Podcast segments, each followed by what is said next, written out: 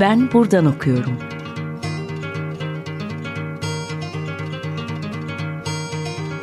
Edebiyat ve başka şeyler.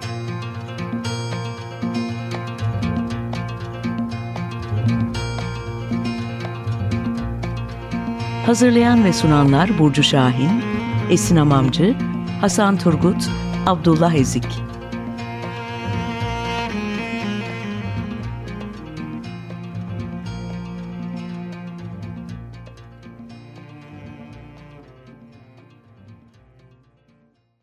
Herkese merhaba. 95.0 Açık Radyo'da Ben Buradan Okuyorum programındasınız.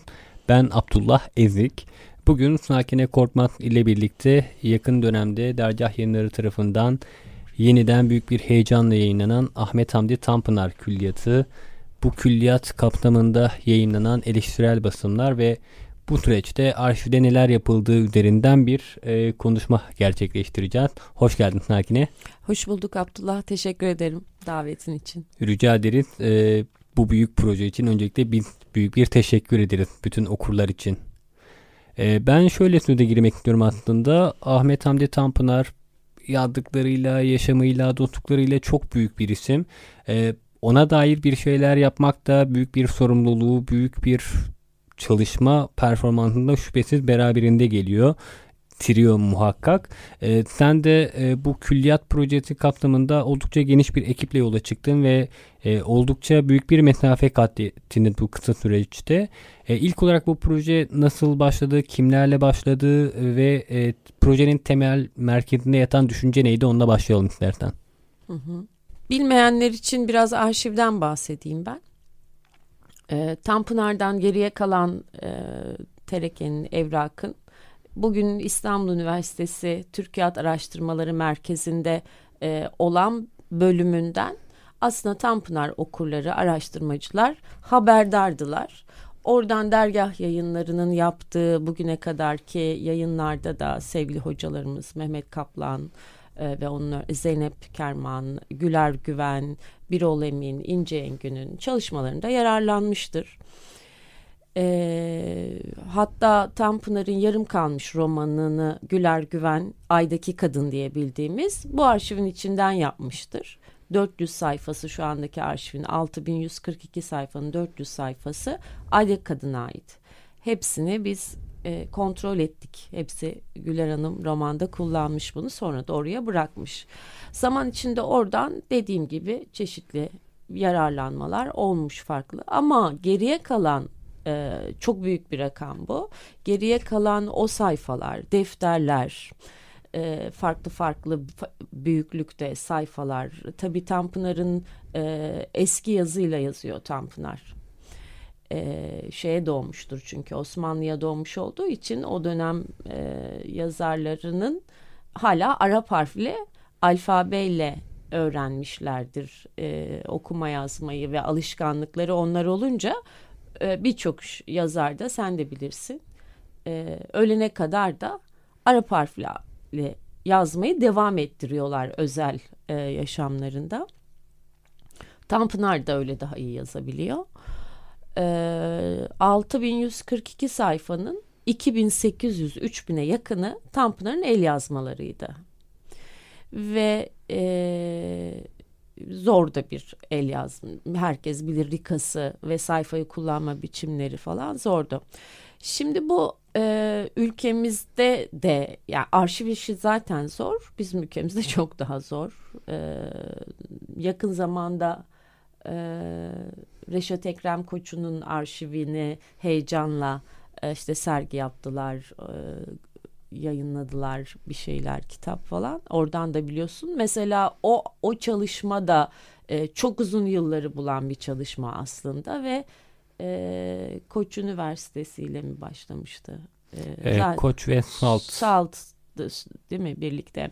Şimdi bak ne kadar büyük iki isimden bahsediyoruz e, böyle bir arşiv çalışması daha çok banka yayın evleri, arkada büyük bir kurumun sponsorluğuyla, desteğiyle olabilecek şeyler, çalışmalar ve genelde de böyle atıyorum beş kişilik bir ekibe iki yıl alın siz başka hiçbir şey yapmayın. Size bu masayı veriyoruz. Alın çayınız kahveniz burada. Bunları çalışın. E, farklı tabii bu beş kişinin e, Osmanlıca olunca yani birbirinden de farklı alanlarda e, uzmanlığın olması da gerekiyor bir taraftan. Böyle denilmesi lazım. Fakat imkanlar e, böyle değildi. Yani bizde ama dergah yayınları çok büyük gayret gösterdi. Bu arşivin Tanpınar'dan geriye kalan ne varsa onların hepsini okura ulaştırmak için çok büyük gayret gösterdi. Ee, bir taraftan da yani şimdi 6142 sayfa deyince burada sanki birden yayımlanmamış roman, hikayeler, şiirler çıkması bekleniyor. Ben de bekledim şahsen. Hani roman değil ama e, böyle edebi, kurmaca, şiir bunları bekledik heyecanla tabii ki. Fakat bunlar e, zaman içerisinde zaten buraları geçmişteki hocalarımız elden geçirmiş. E, elden geçirmiş ama geriye kalanın dediğim gibi bir çalışmayla yani mesela neden burada artık geriye kalanlardan bir derli toplu büyük yayın yapılamayacağını düşünmüşler. Çünkü zaten bin sayfası Saatleri Ayarlama Enstitüsü'nün tefrikalarının sütunlarının kesilip üzerinden tasih yapıldığı nüshalar. 800 sayfası e, Yahya Kemal biyografisinin hem Osmanlıca müsveddesi hem daktilosu tekrar tekrar yazılmış bir şekilde. 400 sayfası Aydaki Kadın ne etti 2200. E, 400 sayfası sahnenin dışındakilerin tefrikaları üzerinden yaptığı tasihleri derken yani bir e, 3000'e yakın sayfası zaten Tanpınar'ın yayımlanmış kitaplarının müsveddeleri buradakilerin. E, dolayısıyla hani bu kadar büyük rakamın içerisinde okurların da bilmediği de çok da bir şey yok. Geriye kala ama tabii ki Tanpınar gibi bir isim e, söz konusu olunca e, sadece yeni bir şey ortaya çıkarmak için bu motivasyonu taşımıyorsun. E, taşıdığın motivasyon bunu bu arşivi baştan sona her sayfasını, her harfini, üstünün çizdiği her e, kelimeye kadar e, açığa çıkarma gayretinin başka bir motivasyonları oluşmaya başlıyor.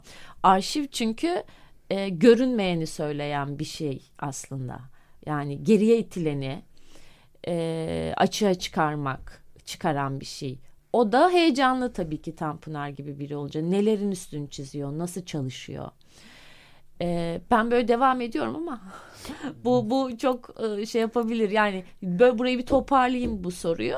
Dolayısıyla biz e, Deryah Yayınları motivasyonu da bu burada ne varsa bilinmeyen hiçbir şey kalmasın. Çünkü bu çalışmayı bir şekilde böyle yıllarınızı adayıp yapmadıktan sonra bir de böyle efsaneler üretilir e, falan. Orada şu var, bu var falan. Sadece olanı bulmak değil, olmayanı da ortaya çıkarmak için bu çalışmayı yapmak gerekiyor. Hayır öyle bir şey içinde yok diyebilmek de önemli bu çalışma için.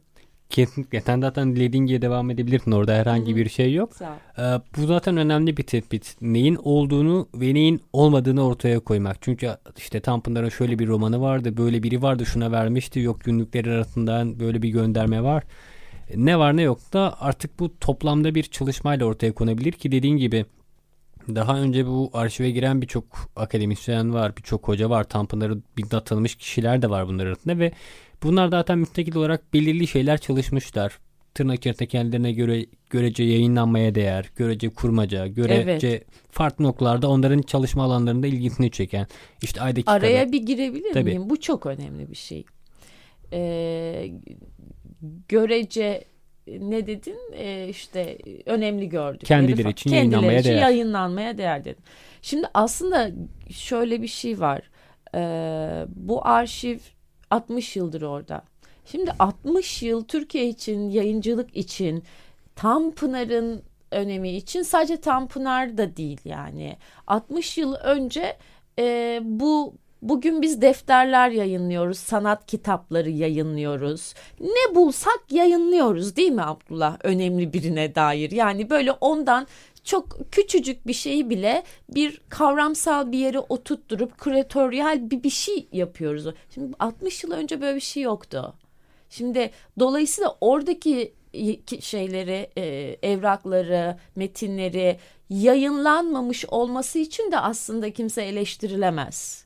E, bugün yayıncılık bu noktaya geliyor. Biz bugün her şeyi yayınlarız. Küratöryal olarak da onu onu bir, bir şekilde sunarız. Bugün artık her şeyin anlam olduğu bir yere geldik çünkü. E, 60 yıl öncenin yayıncılığı da böyle değildi. Akademisyenliği de böyle değildi. Bunlar böyle müsvedde gibi görünüyordu. E, dolayısıyla onun altını çizmek istedim. Yani çağ ve dönem çok önemli yapılan işte. Kesinlikle zaten nihayetinde bugün ortaya çıkan şey bütün bu birikintinin artık ortaya çıkardığı bir şeye de dönüşüyor ki senin de saydığın sebeplerden, farklı nedenlerden, çağ, dönem, kişi bunların hepsi biriktiğinde artık ortaya da büyük bir külliyat projesi Hı-hı. çıkıyor ki buna da artık sıra gelmişti gerçekten. Hı-hı. Ve Dercat da bunu yaptı ve senin de dediğin gibi e, işte Reşat Ekrem Koç örneğinde olduğu gibi büyük kurumsal bir destek olmadan evet. yarı bireysel diyebileceğimiz çünkü nihayetinde dergah yayınları bağımsız hareket eden Hı. bir yayın evi. Bu gerçekten büyük bir emeğin arka planında Çok. olduğunu gösteriyor. Çok, evet. Ki bu tasarımda da belli, içerikte de belli, işte notlarda da belli. E, Burada bir küçük parantezde ekibi açalım istersen. Evet. Hani bu ekipte kimler vardı evet. ve bu ekip neler yaptı beraber Hı-hı. bunu bir görelim. Evet ekip çok fedakarca çalıştı her açıdan çok fedakarcı çalıştı. Çünkü söz konusu olan Ahmet Hamdi Tanpınar olunca insanlar bu fedakarlığı da verebilecek motivasyonu da bulabildiler e, buna. E, tabii arşiv bir sürü demin söylediğim gibi uzmanlık alanını gerektiren bir şey. E, bir uzmanlık alanını gerektirdiği gibi de karakter ve disiplin olarak da e, belli çalışma biçimlerine, yeteneklerine sahip insanları gerektiriyor. E, titiz, tırnak içinde psikopat olmayı gerektiren, yani delilik seviyesinde dikkate e, gerektiren bir şey bu yani ve böyle özen gerektiren bir iş. E, dolayısıyla bu zaten hani Osmanlıca Rika okuyanlar bu işi bilirler iyi, iyi uzmanları. Böyle bir Rika şeyimiz vardı. Osmanlıca çeviri yazı e, ekibimiz vardı. Kısaca isimlerinden hızlıca geçeyim. E, Profesör Doktor Ali Utku hocamız bize 700 sayfa çevirdi tek başına pandemi gecelerinde. E, Eser Demirkan ve Binnur Moral Büyükartan hem müstakil olarak kendileri e, sıfırdan e, çevirdikleri gibi bütün şeyinde e, arşivinde kontrol okuması ikisi çapraz okumalarla birbirinden geçti çünkü. Bu, bu çok merkez isimler. Ee, ama en başında evet oradan başlayayım Mustafa Akay'la başladık biz e, çalışmaya. 6 ay iki kişi çalıştık önce üstünde o ilk kaba parçalamayı. Ee, Özlemi Yer yine Rika'da bize destek verdi. Okcan Yıldırım Türk bize destek verdi. Sefer Soydan bize destek verdi. E, bu Osmanlıca ekibi e, tefrika ilk basım okumaları. Bunlar da karşılıklı okunması gereken tek kişi yapılabilecek şeyler değil bunlar. Ya da ben e, o titizlikte olsun istedim. İki kişi karşılıklı okusun. Dolayısıyla buradan Özlemi Yer ve Handan Durgut'tan da destek aldık. Ee, benimle dergah yayınlarından, dergah yayınlarının editörlerinden Gülsüm Badem'in de çok e, emeği var bu e, çalışmada. Onunla karşılıklı bunları da okuduk. E, arşivin 6142 sayfanın tamamen hepsinin kataloglanması bizzat bana ait. 3 yıl e, ne hangi sayfa ne onun yanına hepsinin notunu alarak onları e, günlükleri ve mektupları okuyarak böyle şifrelerini çözerek bu ne acaba diye dolaştığım bir evren vardı. E, Huzur'un eleştirel basımının açıklamaları notları e, Servet Erdem'e ait çok dikkatli titiz e, okumalarla referanslarını yakaladı, yerleştirdi. Huzurun eleştirel basımına bir de e, bir haritalandırma, fotoğraf ve müzik yaptık. E, orada arkadaşlarımız var. Cengiz Kahraman'ın fotoğraf arşivinden yararlandık. Hakan Sümer'in çizimleri, Cemre Gürbüz'ün harita altyapısı da bize destek verdi. Müzikler TRT Dinle'ye ait. Ee, Abdullah isim saydığımda çok endişeleniyorum. Birilerini unutmuş olma e, endişesi böyle kafam çok yoruluyor. O kadar geniş bir ekip ki yani ve bunlar bak çok birbirinden ayrı. Bir de tasarım ayağını da söyleyelim. Ezgi İncel ve Aygen Ulusoy e, iç tasarımda e, çok büyük büyük sırtlandılar. Ve kapaklarda da e, Geray Gencer'in muhteşem dokunuşlarıyla Tanpınar'a bambaşka bir kimlik ve yaklaşım sunuyoruz. Yani yeni eleştirel basınların aynı zamanda ortaya tırnak içerisinde görece yeni bir Tanpınar da yeni bir Tanpınar görünümü de çıkardığını söylememiz mümkün bu anlamda. Kimlik olarak bence evet. Yani şimdi şey geliyor süreç çok daha kısa daha yeni yayımlandı ama e, bu görselin zihnimizdeki yapışması bir şeye yapışır kalır, imgeyi değiştirir, anlamı değiştirir, yaklaşımı değiştirir. Şimdi bu yaklaşımlar bir bir şeyi zorladı, bir cesaretle bir şeyi zorladı. Evet anlayabiliyorum. Bazı okurlar böyle bir direnç gösterdiler. Başka bir tasarım yaklaşımı bekliyorlar bazıları. E, bu, bu, bu bunu da ayrı bir programda konuşmak isterim bu arada. Hatta Geray Gençer'le birlikte e, bir program yapabiliriz tasarım için. Çünkü kapak e, çok başka bir şey ve ben de onu okuru gözlemek, Tanpınar'ın yine e, sadece kapak üzerinden de kendi kimliğini nasıl var ettiğini gözledim burada ben. Yani o modern ve geleneksel ikiye ayrılma var ya Tanpınar'da. E, o kapak üstünden de gitti e, zaman böyle bunu daha geniş bir yaklaşımla kuşatılacağını gösterecek Tanpınar'ın bu kapaklarla. Kesinlikle belki buradan dediğin gibi başka bir programa evet, da bir Sevinir. alan açarız. Burada İpnot'tan küçük bir şarkı arası hmm. verelim. Açık Radyo dinleyicileri için bugün ne çalmak istersin? Ee, ben e, huzuru çalışırken son dönemlerinde özellikle çok fazla dinlediğim bir arya bu. Puccini'den e, bir arya dinleyebiliriz. Dinleyelim hep beraber. Herkese yeniden merhaba. 95.0 Açık Radyo'da Ben Buradan Okuyorum programına devam ediyoruz. Sakine Korkmaz'la birlikte Tanpınar, Tanpınar Külliyatı ve Tanpınar arşiv üzerine değerlendirmelerde bulunmayı sürdürüyoruz. E, bu yeni yayınların, yeni kimliğin bence en önemli eserlerinden birisi de e, Paul Valéry'nin Monsieur Teste başlıklı eseri. Şimdi Tanpınar'ın Fransız edebiyatıyla nasıl bir ilişki kurduğu onun romanlarında, öykülerinde, şiirlerinde, edebiyat tarihinde zaten açıkça görülebilir. E, Möhtü Teste çevirisi de bu anlamda bence çok böyle bir anlamlı sanki Tanpınar onu ben en azından bir tür böyle fetiş nesnesine çevirdiğini, evire çevire yıllarca onun üzerinde çalıştığını yani sen bunu yayınlayınca fark ettiğim üzerine düşünmeye başladım. Bende böyle bir yankısı oldu. Hı ee, biraz bu çeviri, bu çevirinin işte yıllara yayılan süreci ve Tanpınar için anlamından istersen söz edelim. E, bence bu arşivin en en önemli ayağı Monsieur Test'in artık yayınlanması oldu. Çünkü Saatleri Ayarlama Enstitüsü 1961'de yayınlanıyor ve ilk Remzi yayınlarından çıkan ilk basımın iç kapağında e, yazarın çıkacak olan e, kitaplarından bahsediyor ve üç kitap var orada. 1961, 62'de ölüyor Tanpınar zaten. E, Yahya Kemal biyografi. Daha sonra e, Yahya Kemal'i sevenler cemiyeti yayınlamıştır onu hemen bir yıl sonra. E, yaşadığım gibi makaleler yazıyor yayında. E, Birol Emil Hoca kendince bir içerik e, çalışmalarıyla düzenleyip yayınlamıştır. Bir de Paul Valéry'den Monsieur Test çevirisi yazıyor orada. Yani bakın 1961'de bunu artık yayınlayacak çıkacak noktasına gel getirmiş Tanpınar. Ha arşivdeki nüsa öyle miydi? Değildi ama Tanpınar'da hiçbir şey e, matbaaya girmeden teslim edilmeden bitmez zaten. O sürekli sürekli düzeltmeye o büyük mükemmelliyetçiliğiyle devam eder bir kere bu evet ölmeden önce elinin altında yayınlanacak olanlardan bir tanesi.